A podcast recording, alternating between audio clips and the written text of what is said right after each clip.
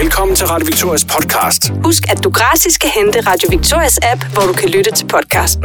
Hør radio 24 timer i døgnet og deltage i konkurrencer på din smartphone. Du henter Radio Victorias app i App Store eller Google Play. Og nu til podcasten. God fornøjelse. Vi har fået besøg af, af folketingsmedlem Pernille Vermund, der er i Esbjerg fra Nye Borgerlige. Hej Pernille, Hej så. og velkommen til. Tak for det. Tør man spørge, øh, hvad skyldes æren? Hvorfor er du i Esbjerg? Jamen, øh, det er jeg af flere årsager. Jeg har et møde her i dag, og, øh, og så er der jo et meget interessant øh, arrangement øh, ved Vadhavet, øh, hvor vi øh, skal ud og kæmpe imod de her kæmpe vindmøller, som regeringen overvejer at opstille. Og, øh, og der har Danmarks Naturfredningsforening taget øh, initiativ til et møde. Jeg ved ikke, hvor mange af de andre partiledere, der møder op, fordi de er jo pjattet med at plastre landet til med, med kæmpe vindmøller og solcelleørkner. Øh, og der siger vi jo, at det er så fint med vindmøller, man stiller dem ud på havet, og solcellerne på tagene af bygningerne i stedet for på markerne, og så vil vi jo gerne have kernekraft. Så, øh, så det er en vigtig dagsorden for os. Ja. Og du er allerede i gang med den politiske dagsorden, og det skal du nok få, få masser af tid til at, at fortælle mere om, fordi vi skal sådan lidt forskellige øh, emner omkring her. Mm. Men jeg tænker, øh, Pernille, før vi lige sådan kan lære dig bedre at kende, så, øh, så er det jo sådan, at man nu man har brugt de her 4 milliarder kroner på et nyt, eller nyt og nyt, altså man har brugt 10 år på at lave det her IT-system, som skulle øh, fastsætte ejendomsvurderingerne. Ja. Øh, det vi fået lov til at låne. Simpelthen. Så vi, vi, øh, vi har spyttet lidt oplysninger ind i den computer, og så skal vi prøve at se, hvad den øh, kommer Hvad ud med omkring, øh, omkring dig. Skal vi lige prøve at trykke på knappen, og så se, hvad der sker? Ja, prøv det.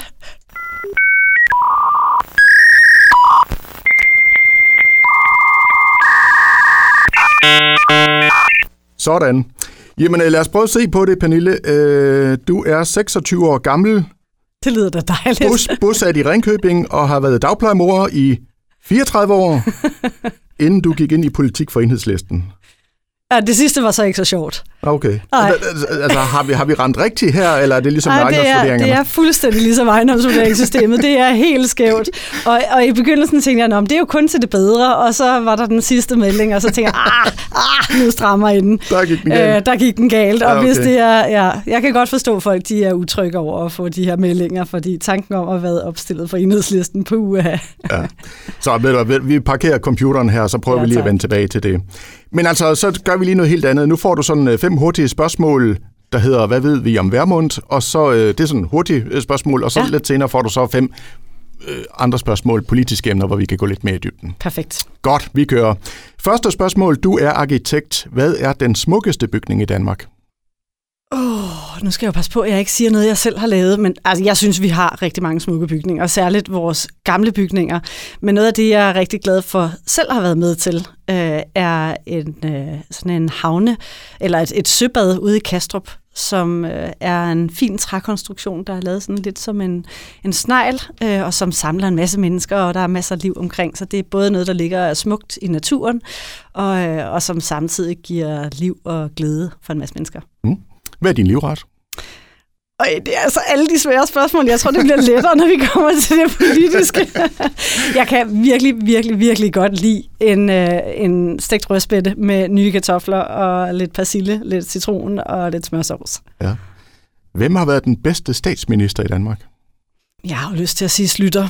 Øhm, og det har jeg, fordi han var statsminister på et tidspunkt, hvor der virkelig skulle ryddes op i økonomien, og det formåede han, og han blev siddende i rigtig mange år, og var også en statsminister, som var god til at dele ud til sine borgerlige venner.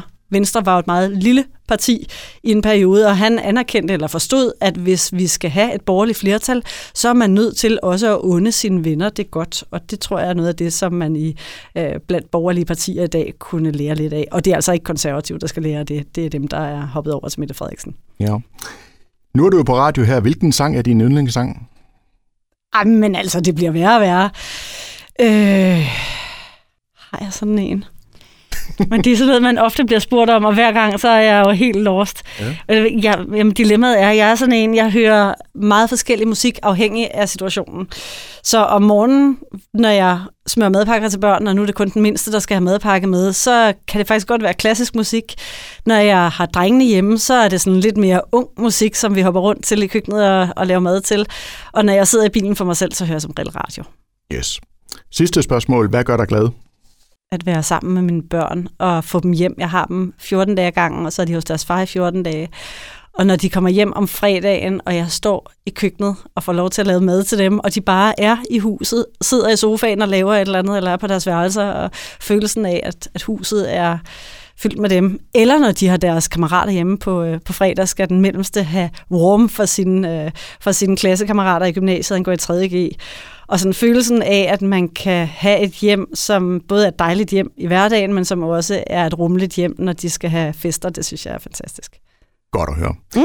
Jamen, vi vender tilbage til de her fem lidt tungere spørgsmål øh, lige om et øjeblik, men allerførst skal jeg lige høre, altså, Nye Borgerlige, hvordan står det til? Hvordan har I det?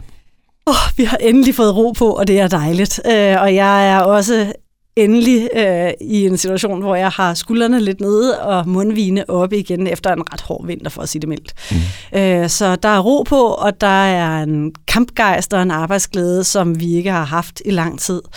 Øh, jeg har haft møde med både vores medlemmer og vores byrådsmedlemmer, været rundt i landet og sådan forsøgt at tage temperaturen på, øh, på stemningen derude og, og på partiet, og, og jeg synes, det er, en, det er et godt sted at være, men vi er, altså, det er hårdt arbejde, der ligger foran os, men det kan jeg godt lide. Ja. Men altså, vi skal lige høre, fordi du, ja. du, du meldte ud, at øh, nu, øh, nu vil du ikke være formand længere, og du vil ikke stille op til næste valg. Ja. Øh, og så startede uroen jo sådan for alvor, kan man sige, ikke? Hvorefter du så sige. meldte dig på banen igen. Ja. Lad os lige starte med, altså, hvorfor tog du beslutningen om først og fremmest at melde dig ud? Jamen, jeg har jo aldrig lagt skjul på, at jeg sådan indledningsvis havde tænkt, at det her, det er politik er noget, jeg gør i en periode af mit liv. Jeg har været selvstændig erhvervsdrivende og arkitekt i mange, mange år. Øhm, og, og jeg ville gerne tilbage til mit arkitektarbejde, og havde det egentlig også sådan, at det der med at være i politik for længe, øh, det synes jeg virkede som noget, der tog noget godt fra politikere og tilførte noget dårligt. Så jeg håbede og troede på, at, øh, at det kunne lade sig gøre for mig at komme ud efter to valgperioder, og det var jo egentlig det, der var planen. Jeg må så sige, da jeg så så, hvordan det ramlede, så tror jeg, jeg har undervurderet min egen rolle i forhold til partiet. Øh, jeg har nok øh, haft for høje tanker om, hvad man kunne lægge af ansvar på skuldrene af andre, og for lave tanker om, hvad min egen betydning i forhold til partiet var. Men hvordan havde du det med alt det uro, der, der pludselig var? Jamen, det var forfærdeligt at se på. Øh, det var, øh, altså... Jeg ved ikke, om, om det tåler den sammenligning, men jeg har indimellem tænkt, at på et tidspunkt skal mine børn flytte hjemmefra. Den ældste, han fylder 20 til vinter, og nummer to er 18.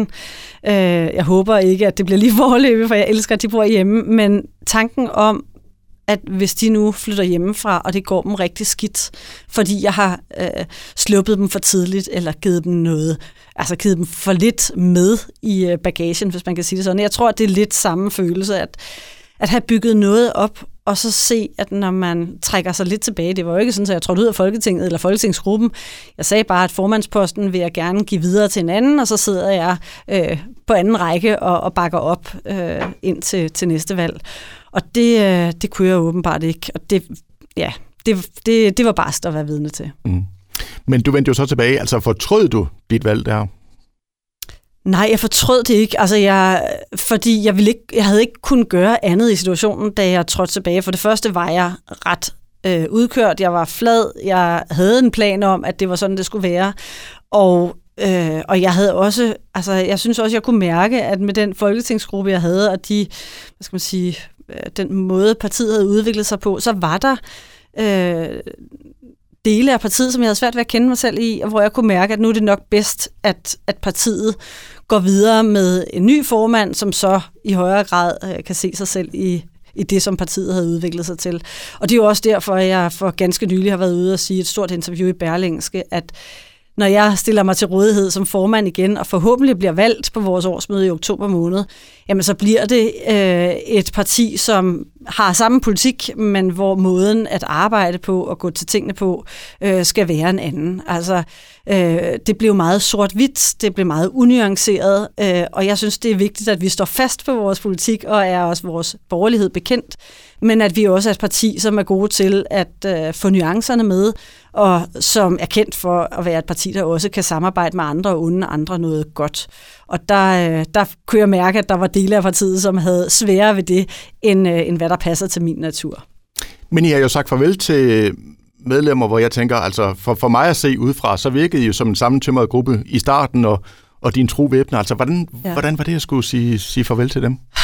Jamen altså på den ene side, så er det jo, det er jo, det er jo barsk, når noget, man har bygget op, øh, går i opløsning. På den anden side, så tror jeg også, man skal erkende, at der er meget, man øh, kan styre, og så er der noget, som er uden for ens øh, hvad skal man sige, rækkevidde eller mulighed for at påvirke. Og der var en del i den proces, som, øh, som jeg ikke, og vi, som er tilbage, ikke havde mulighed for at påvirke, og hvor jeg vil sige, hvis man, hvis man havde, altså hvis ikke det var nået dertil, hvor det endte, øh, jamen så var der nogle andre kameler, man skulle have slugt, nogle andre kompromiser, man skulle have indgået, og det havde nok på den lange bane været værre.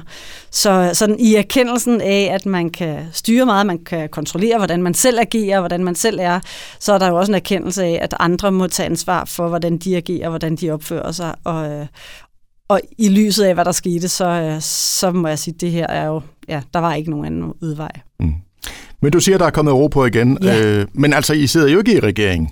Nej, det gør vi ikke. Hvor meget har I skulle have sagt sådan i øjeblikket? Fordi det virker jo som om, at øh, dem, der sidder uden for regeringen, ikke har så meget at skulle Jamen, sige lige i øjeblikket. Og det er jo rigtigt. Altså, dilemmaet med den regering, der sidder nu, er jo, at det er en flertalsregering. Og det er til og med en flertalsregering af, øh, af tre mere eller mindre socialdemokratiske partier. Der er jo det ægte socialdemokrati, og så er der de to andre, som, øh, som har været ude på tur sammen, og som jo siger, at hvis man slukkede lyset og bare lyttede til, hvad de siger, jamen, så vil man ikke kunne kende forskel. Øh, og når jeg ved, at det er enten Lars Lykke eller Mette Frederiksen, der svinger takstokken i det der øh, øh, regeringssamarbejde, så betyder det jo også, at der er et venstre, som måske har mistet noget af deres borgerlighed. Men det betyder, at vi andre, som sidder uden for regeringen og i opposition, øh, må prøve at arbejde sammen og lægge pres på regeringen, både i forhandlinger, men også i hverdagen i de øh, store dagsordner, der er når vi taler stor bededag, jamen så var det jo tydeligt, at øh, regeringen stod næsten alene med ønsket om at afskaffe stor bededag. Danskerne var imod, øh, oppositionen var imod, både den borgerlige og den røde opposition var imod, og alligevel kan de jo gøre, som de har lyst til, fordi de har flertallet nye afgifter på transport af, af gods og varer, som man har lagt ned over lastbilerne og, og vognmændene, er jo et andet eksempel på noget, som vi forsøgte at kæmpe imod, men hvor vi bare må sige, at regeringen har flertallet, og så er der ikke noget at stille op andet end at prøve at råbe op til danskerne. Og hver gang man gør det, det kan jo godt virke sådan lidt trøstesløst, fordi der er jo ikke noget valg lige i forløbet. Men, men omvendt, så må man jo bare sige, når man gør det, så er det jo også en mulighed for at fortælle danskerne, at når man stemmer på de tre partier, Socialdemokratiet, Moderaterne og Venstre, jamen så er det det her, man får. Så får man afskaffet en stor bededag. Så får man højere afgifter i første omgang på lastbilerne. Nu kommer det lige om lidt på landbruget, måske på vores fødevarer. Der bliver lavet et testsystem for, for at køre i større biler eller i større byer. Øh, afgift på privatbilisme osv øh, forbud mod koranafbrændinger, skulle det have været et nålestik, som nu bliver et, et reelt altså, øh, forbud mod at øh, forhåne religioner og, og, øh, og sådan religiøse øh, hvad hedder sådan noget, virkemidler eller, eller mm. betydningsfulde øh, emner inden for religioner. Så der er en række områder, hvor vi er mange, der er imod, hvor vi ikke kan i det parlamentariske arbejde bruge vores stemmer til noget, men vi kan i hvert fald bruge dem over for danskerne og få danskerne til at forstå, at øh, der er andre partier at stemme på, hvis man ønsker en anden vej. Og vi kan også se meningsmålingerne, at den regering, der sidder nu, som jo træffer de her meget vidtgående beslutninger, den har altså den har ikke flertal. Hvis der var valg i morgen, så vil den, så vil den falde, og lov for det. Ja. Jamen, øh, det leder så hen til de her fem spørgsmål, som øh, omhandler sådan aktuelle politiske emner, som jeg er helt sikker på, at du har en, en mening om. Øh, og der er sådan set øh, fire spørgsmål, og så må du selv bestemme det sidste. Så uh. skal vi ikke bare kaste os ud i det? Jo. Altså, vi kan jo lige øh, fortsætte med de her nye ejendomsvurderinger her. Ikke? Altså, 4 milliarder kroner er der brugt af vores skattepenge på at udvikle det her system. Ja. Som for i hvert fald for os boligejere godt kunne virke som om, man kunne lige så godt slå med et par terninger.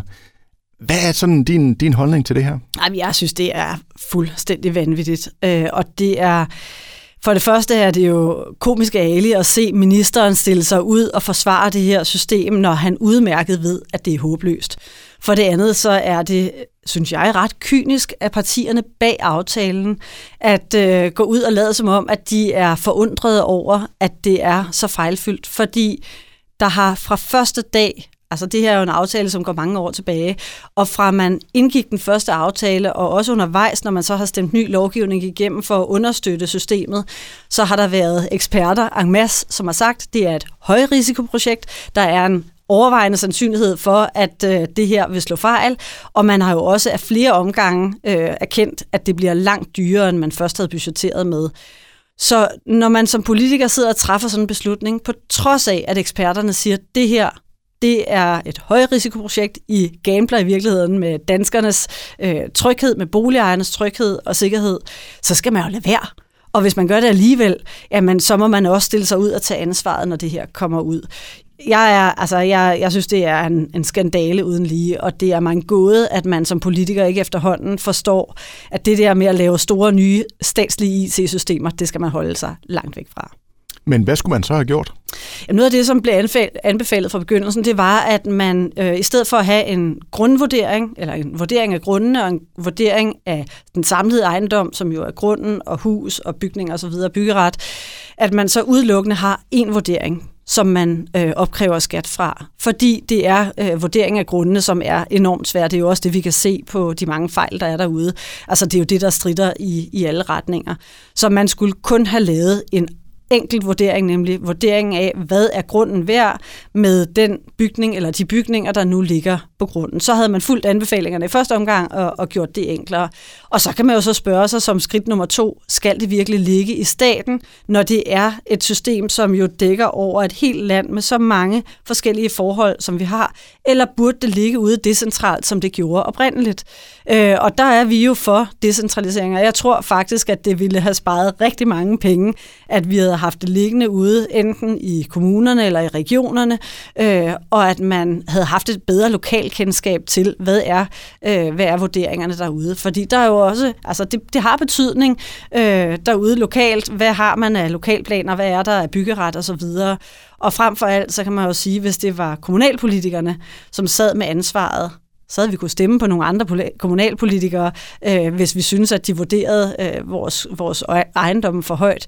Vi kan ikke stemme på et nyt vurderingssystem. Det er, det er jo ligesom, ja, det er jo en del af, af systemet. Så der er i hvert fald ikke topkarakter her, kan Det er der bestemt ikke. Nej. Hvordan ser øh, karaktererne så ud til den nye øh, bandepakke? 39 nye tiltag. Ja, men altså jeg må sige, da jeg, da jeg så den der præsentation af bandepakken, så tænkte jeg bare, endnu en bandepakke, endnu en lappeløsning. Det er fuldstændig evident, at de problemer, vi har med bander i Danmark, og jeg siger ikke, at vi ikke ville have, vi ikke ville have haft kriminalitet, eller vi ikke ville have haft bander overhovedet, øh, hvis ikke der var en forfejlet udlændingepolitik, men det er evident, at udlændingepolitikken hænger meget tæt sammen med øh, den udvikling, der er i et meget grov kriminalitet. Øh, jeg kan ikke huske, om det var Ekstrabladet eller BT, der for nogle år siden lavede en opgørelse, der viste, at mere end 90 procent af dem, der blev dømt for grov kriminalitet, af bandemedlemmerne, det var folk med øh, udenlandsk baggrund. Og derfor siger vi, hvis vi får styr på udlændingepolitikken, får sikret, at vi får stoppet migrationen fra de lande, som vi har dårlige erfaringer med, får sikret konsekvens, så kriminelle udlændinge bliver udvist, og så man ikke længere kan leve på passiv forsørgelse, jamen så vil det tage en del af øh, problemet væk. Det næste er jo så at se på, hvordan kan man i højere grad forebygge de familier, som har fået dansk statsborgerskab, og hvor vi ved, at vold er en større del af kulturen, også i familien, end vi er vant til i danske familier. Øh, Børnerådet lavede for nogle år siden, og nu bliver det undersøgelser på undersøgelser, men der, de lavede for nogle år siden en undersøgelse af øh, hvor mange børn, der bliver udsat for, øh, for vold i hjemmet og grov vold i hjemmet. Og det er 19 procent af børnene i hjem med ikke-vestlig baggrund, der bliver udsat for grov vold, som er spark, øh, slag i ansigtet osv. Og altså, det er virkelig meget. Fem, hver femte øh, barn, som, som bliver udsat for grov vold. Øh, det er klart, at når vi ved, at, at vold avler vold, jamen, så har det også betydning for, hvor empatisk man er. Det kan vi også se i undersøgelserne, øh, hvor meget man bruger vold som en del af sit sprog i ungdommen, og hvad der er af, af konflikter i øvrigt. Og, og der ved vi desværre, at når vi ser de her unge mennesker og børn fra, fra ikke-vestlige familier, øh, som henvender sig, og endelig finder mod til at henvende sig til en, en skolelærer eller en... Øh, øh, biblioteksmedarbejdere, eller hvor de nu finder øh, en dansk person, som kan hjælpe dem igennem. Det kan også være en nabo eller øh, forældre til kammerater. Øh, så, er, så skal der mange flere indberetninger til, før man i det offentlige tager det alvorligt, når det er i familier med, med ikke-vestlig baggrund. Og der er jo noget der, der tyder på, at der sidder nogle sagsbehandlere og siger, at det er jo en del af kulturen, eller nu skal vi også passe på, at vi ikke øh, forskelsbehandler osv. Og det er jo ret gralt. Altså hvis vi både ved, at der er væsentligt mere vold og grov vold, og vi også ved, at der skal meget mere til, før det offentlige tager det alvorligt, så er der altså nogle børn her, som bliver svigtet, og det bliver vi nødt til at, at få rettet op på. Godt. Så heller ikke topkarakter der, kan Heller ikke topkarakter der, nej. Den tredje, vi danskere, vi skal arbejde med, siger Mette Frederiksen. Øh, det lyder som blå politik nærmest, ikke? Mm, jo og nej, fordi hun får det jo til at lyde som om, at vi er skaffedyr for velfærdsstaten. Altså, at det vigtigste øh, for, for danskerne, det er, at nu skal vi bidrage, så vi kan øh, tjene nogle penge, som vi kan betale i skat, som hun så kan råde over. Og, og det er altså ikke det, mennesker er sat i verden for. Jeg er fuld af beundring over for mennesker, der øh, gør sig umage og står op og passer deres arbejde osv. Men, men, men vi er altså, der er andet i livet, end at være skaffedyr for velfærdsstaten. Og derfor bliver jeg sådan lidt, jeg kan mærke, at jeg bliver ramt på noget, som ikke er særlig rart, når hun, når hun fremturer, som hun gør, og siger, at, at nu skal vi også passe vores arbejde af hensyn til øh, ja, velfærdsstaten i virkeligheden. Øhm, Men der mangler jo hænder. Jamen, der mangler jo hænder, fordi man har fundet på en masse opgaver, som skal løses, som i virkeligheden ikke burde, øh, som vi i virkeligheden ikke burde bruge tid på. Vi har i dag en offentlig sektor, hvor øh, antallet af administrative ansatte i det offentlige har rundet 100.000. Det er jo helt sindssygt. 100.000 mennesker er beskæftiget med, øh, med, ja, med administration i det offentlige og i den offentlige sektor. Og vi ser det overalt. Jeg har en mor, som, som, som desværre døde for nylig, og var de sidste 6,5 år af hendes liv på et, et plejehjem. Og jeg har fuld respekt for medarbejderne på plejehjemmet, men jeg må bare sige, jeg mødte alt for ofte medarbejdere, der sad bag en skærm eller sad øh, til møder, og det er jo ikke nødvendigvis medarbejdernes skyld, det er jo i høj grad, fordi vi er øh, underlagt et system, eller de er underlagt et system, hvor politikerne har lavet regler på regler på regler. Vi ser det samme i vores sundhedsvæsen, øh, vi ser det i politiet, vi ser det alle steder, at der er, altså det sander til i byråkrati, og derfor bør første opgave jo være at sikre, at der er færre mennesker, der skal bruge tid på de kolde timer, hvis man kan sige det sådan, så man får frigjort noget tid til, til, til det, der er borgernær kernevelfærd.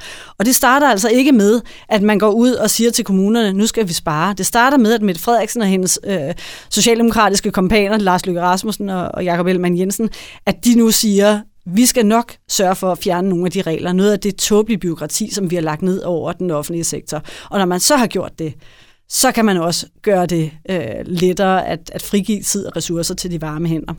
Og dermed også spare nogle medarbejdere. Altså de medarbejdere, man forventer, man skal have i årene, der kommer, det vil jo i stigende grad, hvis man bare fremskriver udviklingen, som den har været nu, så vil det jo i stigende grad være medarbejdere, der skal sidde og lave administrativt arbejde. Det giver jo simpelthen ingen mening. Så lad os få skåret ind til benet der, og så lad os sørge for, at dem, der ikke er i arbejde i dag, øh, det er jo særligt blandt ikke-vestlige indvandrere, og det er særligt blandt kvinderne, at de kommer ud på arbejdsmarkedet. Når vi ser på syre i den arbejdsdygtige alder fra 30 til 64 år, så er det kun 21 procent af dem, der er i beskæftigelse. Altså hver femte, de har været her i så lang tid efterhånden, og vi har et arbejdsmarked, der skriger på arbejdskraft. Det er en relativt stor gruppe af indvandrere. Det er bare om at komme i gang. Vi har øh, to tilbage, og jeg ved, du har et møde her, så, øh, så det snapper til her. Sidste fra min side, skattelettelser, bliver der talt meget om i øjeblikket. Hvad tænker du? Jamen, jeg siger ja tak. Ja. Øh, vi har verdens højeste skattetryk, og øh, det rammer helt almindelige familier. Vi siger i Nye Borgerlige, eller vi har lavet en økonomisk plan i Nye Borgerlige, hvor vi sikrer, at de første 90.000, man tjener, de er skattefri. Og derefter skal der være en flad skat på 37 procent. For os handler det jo både om at få skatten ned, men også at få forenklet skattesystemet. Øh, det er helt uansvarligt, at vi har et skattesystem, der er så kompliceret, at vi alle sammen sidder, når vi får vores årsopgørelse og venter øh, på Skats hjemmeside og forsøger at komme ind, og man sidder i timevis for at, at, at sidde i kø der sådan skal det jo ikke være. Altså det skal jo være sådan, at vi selv kan regne ud, hvad vi skal betale i skat, at vi har nogenlunde fornemmelse af, får jeg penge tilbage, eller får jeg ikke penge tilbage. Jeg hører jo tit danskere sige, jeg betaler min skat med glæde. Men hvis så mange danskere betalte deres skat med glæde, så ville der jo ikke være kø hver eneste år, når man øh, får årsopgørelserne ud. Jeg tvivler på, at øh, folk sidder og venter i kø, fordi de tænker, yes, jeg skal betale lidt flere penge i skat. Det er nok de fleste, der tænker, jeg håber, jeg, jeg får lidt penge tilbage. Yes. Og så har vi øh, den sidste, du må selv vælge, det aktuelle emne. Jamen, jeg synes, det som, øh, som jeg er her for i den her omgang, øh, nemlig øh, hele vores klimapolitik, øh, at vi plaster landet til med kæmpe vindmøller og solcelleørkner, er en meget, meget vigtig dagsorden. Vi i Nye Borgerlige ønsker en grøn omstilling, som er ansvarlig, som ikke ødelægger vores økonomi, og som ikke ødelægger vores miljø. Og det vi ser i dag, det er jo en meget, hvad skal man sige, socialdemokratisk eller venstreorienteret klimapolitik, som indimellem bliver nærmest hysterisk. Man er et ondt menneske, hvis løsningerne øh, er nogle andre end dem, man foreslår på venstrefløjen. Øh, vi går gerne imod venstrefløjen og siger gerne ret klart, lad os nu få atomkraft som en del af den danske energiplanlægning, og lad os sørge for, at når vi øh, får energi fra vindmøller og solceller, at det så er vindmøller, der står ude på havet, og så langt ude, at de ikke generer hverken udsigten eller borgerne, og at solcellerne sidder på tagene af bygningerne, blandt andet i industriområderne, så de ikke skæmmer og ødelægger vores natur. Og det, altså, det er noget, som kommer til at øh, fylde meget i danskernes hverdag de kommende år, og særligt fordi vi jo har en regering, der nu er ude i, at man skal ikke længere kunne gøre indsigelser mod at få øh, de her store vindmøller tæt på sig. Øh, det, er, det er helt vanvittigt. Godt. Jamen, øh, så nåede vi igen, Pernille. Mm. Jeg siger tusind tak for besøget, og en, og en god dag, og, og god øh, forhåbentlig oplevelse for dig i Esbjerg. Ja, tak. Tak skal du have.